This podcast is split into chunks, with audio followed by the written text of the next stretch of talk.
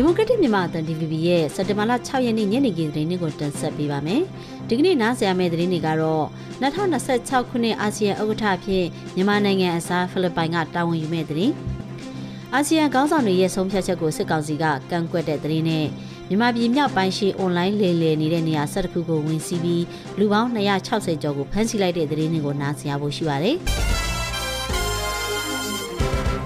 2026ခုနှစ်အတွက်အာဆီယံအလက်ကျဥက္ကဋ္ဌတာဝန်ကိုဗုဒ္ဓဘခတွေဖြစ်ပွားနေတဲ့မြန်မာနိုင်ငံအစားဖိလစ်ပိုင်နိုင်ငံကရယူသွားမှာဖြစ်တယ်လို့ဖိလစ်ပိုင်နိုင်ငံနဲ့လက်ရှိအာဆီယံဥက္ကဋ္ဌအင်ဒိုနီးရှားတို့ကအတည်ပြုပြောကြားလိုက်ပါတယ်။2026ခုနှစ်အာဆီယံဥက္ကဋ္ဌနေရာကိုလက်ခံမှုအတွက်အဆင်သင့်ဖြစ်နေပြီလို့ဖိလစ်ပိုင်သမ္မတဖာဒီနာမတ်စကိုဂျူနီယာကအင်ဒိုနီးရှားနိုင်ငံဂျာကာတာမှာမနေ့ကကျင်းပတဲ့အာဆီယံထိပ်သီးအစည်းအဝေးမှာပြောကြားသွားပါတယ်။ 2026ခုနှစ်အာဆီယံဥက္ကဋ္ဌတာဝန်ကိုဖိလစ်ပိုင်ကရယူသွားမှာဖြစ်ကြောင်းအင်ဒိုနီးရှားနိုင်ငံသားရေးဝန်ကြီးရန်နိုမာဆူဒီကလည်းအတည်ပြုပြောကြားလိုက်ပါတယ်။မြန်မာနိုင်ငံကအလက်ကျတာဝန်ယူရမယ့်2026ခုနှစ်အတွက်အာဆီယံဥက္ကဋ္ဌတာဝန်ကိုဖိလစ်ပိုင်ကတနစ်စောပြီးလက်ခံမှုသဘောတူညီခဲ့တာဖြစ်ပြီးဒီကိစ္စနဲ့ပတ်သက်ပြီးမြန်မာအာဏာသိမ်းစစ်ကောင်စီရောမြို့သားညီညွတ်ရေးအစိုးရ NUG ကပါတစုံတရာသဘောထားထုတ်ပြန်တာတွေမရှိသေးပါဘူး။ စက်တဘာလ9ရက်နေ့မှာတော့အင်ဒိုနီးရှားနိုင်ငံဟာလာအိုကိုအာဆီယံအလှည့်ကျဥက္ကဋ္ဌတာဝန်လွှဲပြောင်းပေးရမှာဖြစ်ပြီး2024ခုနှစ်အာဆီယံခေါင်းဆောင်ထိပ်သီးညီလာခံကိုလာအိုနိုင်ငံကအာဆီယံဥက္ကဋ္ဌအနေနဲ့လက်ခံကျင်းပသွားမှာဖြစ်ပါတယ်။အဲဒီနောက်မလေးရှားနိုင်ငံဟာ2025ခုနှစ်ရဲ့အာဆီယံဥက္ကဋ္ဌတာဝန်ကိုဆက်လက်လွှဲပြောင်းလက်ခံသွားမှာဖြစ်ပါတယ်။အာဆီယံထိပ်သီးအစည်းအဝေးကနေထုတ်ပြန်ခဲ့တဲ့မြန်မာအရေးပုံသဘောတူညီချက်၅ချက်ကောင်းထည်ပေါ်ခြင်းပေါ် အာဆီယံခေါင်းဆောင်တွေရဲ့ပြန်လည်သုံးသပ်ချက်နဲ့ဆုံးဖြတ်ချက်တွေကိုမြန်မာနိုင်ငံအနေနဲ့ကန့်ကွက်ကြောင်းစစ်ကောင်စီနိုင်ငံသားရေးဌာနကကြေညာပါတယ်။အာဆီယံလှည့်ကျောက်ဥက္ကဋ္ဌအင်ဒိုနီးရှားနိုင်ငံကအဆိုပါဆုံးဖြတ်ချက်မကြေညာခင်မူကြမ်းကို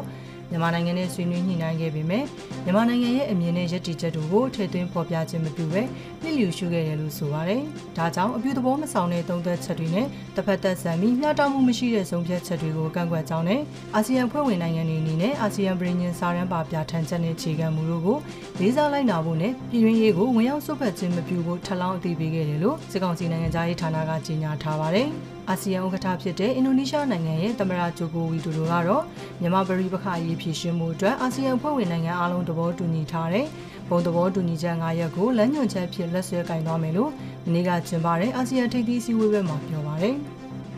စစ်ကောင်စီကဇွန်လအတွင်းအ ਨੇ ဆုံးလောက်ခတိုးမြင့်ပေးဖို့တောင်းဆိုမှုကြောင့်ဖမ်းဆီးထားတဲ့အလုပ်သမားတွေနဲ့အလုပ်သမားကူညီပေးနေသူတွေကိုစက်တင်ဘာလ၄ရက်နေ့ကပြန်လွှတ်ပေးလိုက်တယ်လို့ Action Labor Right အဖွဲ့ကပြောပါရယ်။အ ਨੇ ဆုံးလောက်ခတိုးမြင့်တောင်းဆိုရမှာဥဆောင်သူတွေဖြစ်တဲ့ဟိုစိတ်မြန်မာစက်ရုံကအလုပ်သမား9ဦး Sun Apparel စက်ရုံကအလုပ်သမား2ဦး Action Labor Right အဖွဲ့4ဦးနဲ့အလုပ်သမားတွေအစည်းအဝေးလုပ်ခဲ့တဲ့လက်ဖက်ရည်ဆိုင်ပိုင်ရှင်တွေကိုစစ်ကောင်စီကဇွန်လဒုတိယအပတ်မှာဖမ်းဆီးလိုက်တာဖြစ်ပါတယ်။ အဲ့ဒီသူတွေကိုအလုသမားယုံကအကြီးအကဲတွေတွားရောက်တွေ့ဆုံပြီးမနေ့ကတပြိုင်တည်းလွတ်ပေးလိုက်တာလို့ Action Level Right အဖွဲ့တာဝန်ရှိသူကပြောပါတယ်။အဲ့ဒီအလုသမားတွေကိုဖမ်းဆီးထိန်းသိမ်းတာဟာစုပူမှုဖြစ်အောင်တွေးထိုးလှုပ်ဆောင်လို့ဆိုပြီးတော့စစ်ကောင်စီကကနဦးသတင်းထုတ်ပြန်ခဲ့တယ်လို့ထွက်ပြေးတိမ်းရှောင်နေတဲ့ Action Level Right အဖွဲ့ကနဦးကိုလည်းဝရမ်းထုတ်ခဲ့ပါသေးတယ်။အလုသမားအခွင့်အရေးတောင်းဆိုသူတွေကိုအပြစ်မရှိဘဲလနဲ့ချီချုံအောင်ဖမ်းဆီးခဲ့တဲ့ပုံမှာအလုသမားအရေးလှုပ်ရှားသူတွေကဝေဖန်နေကြပါတယ်။ မကွေးတိုင်းဒေသကြီးပွင့်ဖြူမြို့နယ်မှာဒီကနေ့မနက် AR မြစ်ရေထပ်မံမြင့်တက်လာလို့ကျေးရွာဆက်တွေ့ရမှာရှိတက်ခဲ့ပြီးစာတင်ကျောင်း၅ကျောင်းပိတ်ထားခဲ့ရတယ်လို့မြို့ခံတွေကပြောပါတယ်